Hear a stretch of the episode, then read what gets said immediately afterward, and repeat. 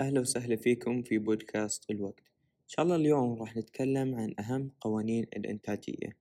اللي إذا التزمت فيها راح تلاحظ الفرق الكبير في مستوى الإنتاجية عندك. فبسم الله نبدأ.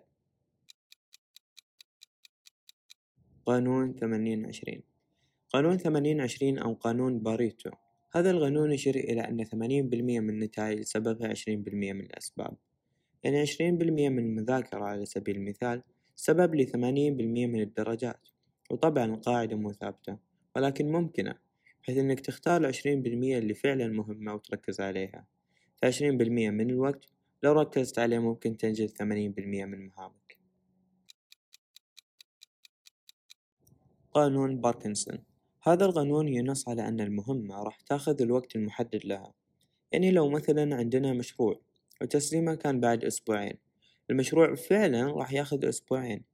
لذلك حاول إنك ترتب جميع مهامك بوقت يتناسب مع إنجازها. يعني إذا في شي ضروري أكيد ما راح تحط له وقت طويل على أساس إنك تبي تاخذ راحتك فيه. حط له وقت قصير ومتناسب لحجم أهميته. فحاول إنك تجمع بين وقت كفاية وبنفس الوقت محدود. قانون كارلسون. نص هذا القانون على أن لو تم عمل مهمة مع وجود مقاطعة وتشتت راح تكون أقل في الجودة والكفاءة. وراح تاخذ وقت أطول. للأسف حاليا نعيش عصر مليان بالمشتتات بسبب وجود الأجهزة حولنا. لذلك حاول إنك تركز على المهمة قبل ما الجوال أو الرسائل تاخذ تركيزك على سبيل المثال. وطبعا مشتتات مو مرتكزة على الجوال. إحنا جالسين نتكلم عن أي مشتت فحاول إنك تنتبه لتركيزك. قانون آيليش هذا القانون يقول أن الإنسان بعد فترة معينة راح يقل التركيز عنده. الفترة هذه تقريبا خمسة وثلاثين دقيقة بالمتوسط ولذلك نحتاج إلى فترات راحة. الراحة مو بس راحة جسدية بل راحة لاستعادة التركيز. في تغنية طماطم اللي سبق أن شرحنا عنها تتوافق مع نظام التركيز عند الإنسان. فحاول إنك تاخذ فترات راحة كل ثلاثين دقيقة.